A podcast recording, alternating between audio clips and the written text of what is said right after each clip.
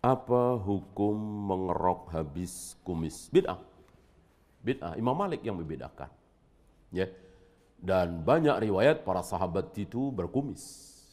Hanya jangan melebihi bibir. Ya. Jangan apa istilahnya?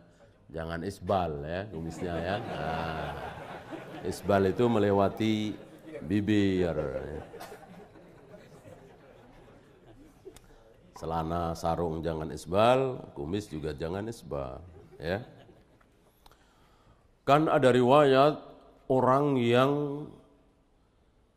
mencaci maki Umar. Umar sambil dengerin cacian makian itu sambil sambil melintir-melintir kumisnya. Kumisnya dipelintir-pelintir. Kalau beliau mengerok habis kumis tentu nggak bisa dipelintir-pelintir. Ya kan? Ada riwayat itu.